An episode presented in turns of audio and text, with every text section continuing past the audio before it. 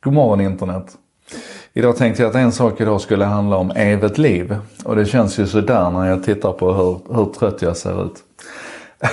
Det kan bero på att jag har legat och läst om nanorobotar och AI i medicinen och uppdaterat mig på Raymond Kurzweils prediktioner om hur länge vi ska leva i framtiden.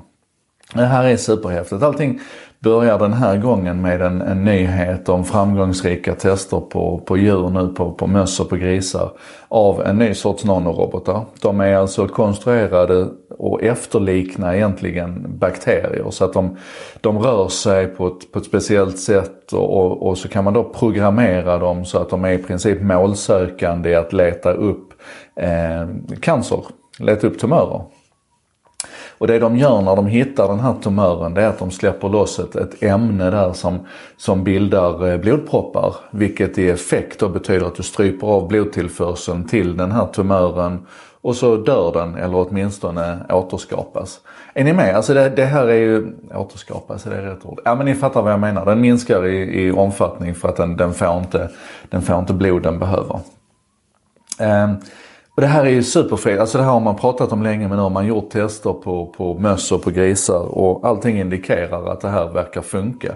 Och här är vi ju inne på ett känsligt område för du vill ju inte att de här ska köra vilse liksom och, och släppa loss det här blodproppsskapande medlet i hjärnan för då får du ju en stroke istället för att du krymper cancertumören. Men ni är med, alltså det här är och här känns det som att, att det här går fort framåt nu en häftig detalj runt den här forskningen, den, den jag läser om nu, den görs av Arizona State University tillsammans med Kinas National Center for Nanoscience and Technology. Är ni med?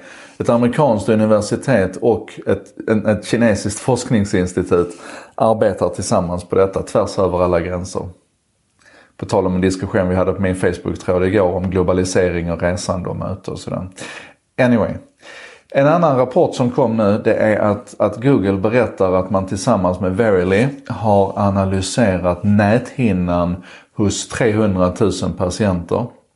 Och det här är inte Alltså det här är igen då att man alltså tar och återanvänder medicinsk data. Så att man har inte, man har inte skannat 300 000 näthinnor för att göra den här studien. Utan det var Eh, det var eh, skannade bilder som fanns helt enkelt. Och så har man tagit de här 300 000 bilderna, kört dem genom en AI och försökt hitta mönster. Och ett av mönsterna som framkommer tydligt är risken för hjärt och kärlsjukdomar. Och eh, man kan då konstatera bland annat att man, att man 70% av gångerna kan förutse att en patient inom fem år kommer få en, en hjärtinfarkt bara genom att titta på, på näthinnan. Och det här är ju, det här är ju superhäftigt för då, då kombinerar vi nanorobotar som kan bota sjukdomar med AI som kan förutse dem och, och diagnostisera.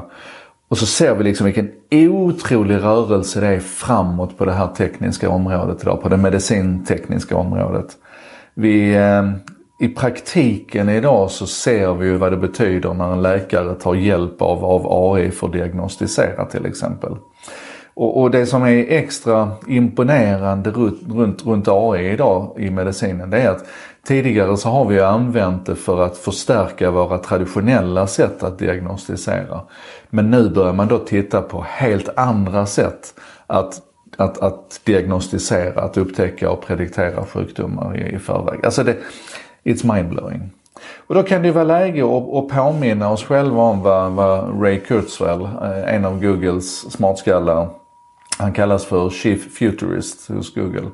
Vad han, eh, vad han brukar prata om här när han säger att 2029 så kommer vi vara i ett läge där den medicinska forskningen adderar ett år till vår livslängd per år.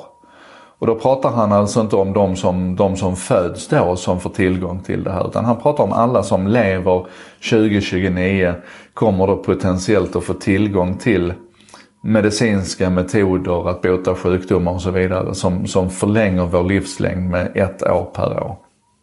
Och då är vi på väg mot singulariteten. Då är vi på väg mot den, den delen av singulariteten som handlar om att vi kommer att leva för evigt. Raymond Kurzweil siktar väl på 850 år, tänkte han leva.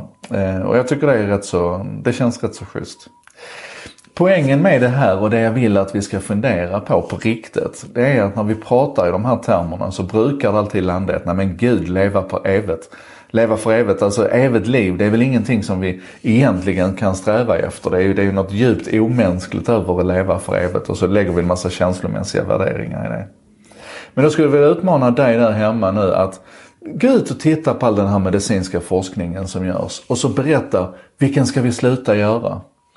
Vilka områden är det som känns alldeles för, vad ska man säga, där vi, där vi närmar, där vi botar tidigare obotliga sjukdomar, där vi botar sjukdomar som, som skördar massor med dödsoffer. Och så ska vi säga att det där ska vi sluta forska på eller de där sjukdomarna ska vi sluta bota. sluta försöka bota. För att annars är risken att de leder till att vi får ett evigt liv. Är ni med? Vi kan inte bara säga nej, vi vill inte att vi ska leva för evigt. Utan då måste vi också bestämma oss för, nej men vad ska folk dö av? Vad ska folk dö av? Och vem ska bestämma vad folk ska dö av? Och kanske till och med individuellt, vem ska dö? Är ni med? Vi behöver ta de tankarna. Så där kan man tydligen då ta någonting som i grunden är en positiv nyhet och en positiv tanke att vi botar sjukdomar och så vänder man det till någonting som blir negativt och jobbigt istället. Det är inte riktigt mitt tema här på En sak idag men någon gång ibland måste man göra det också. I alla fall. Det här var En sak idag som produceras av mig, Joakim Jardenberg. Med benäget bistånd av eh, Bredband2 Contentor. Bredband2 är internetoperatören som lyssnar när andra snackar och som precis som du och jag gillar internet. Så de hjälper till att sprida En sak idag och, och se till att vi diskuterar möjligheter. Eh, Contentor är gänget som jobbar med eh, redaktionella texter på internet. De gör översättningar och kan det där med modern marknadsföring. De ser till att vi får en översättning och en texttolkning av En sak idag. Ligger på plats varje dag runt lunch. Då får du jättegärna hjälpa till att sprida den. Och så vill jag tacka dem och jag vill tacka er allihopa som hjälper till och bidrar till den här diskussionen och debatten. Ni är fantastiska allihopa.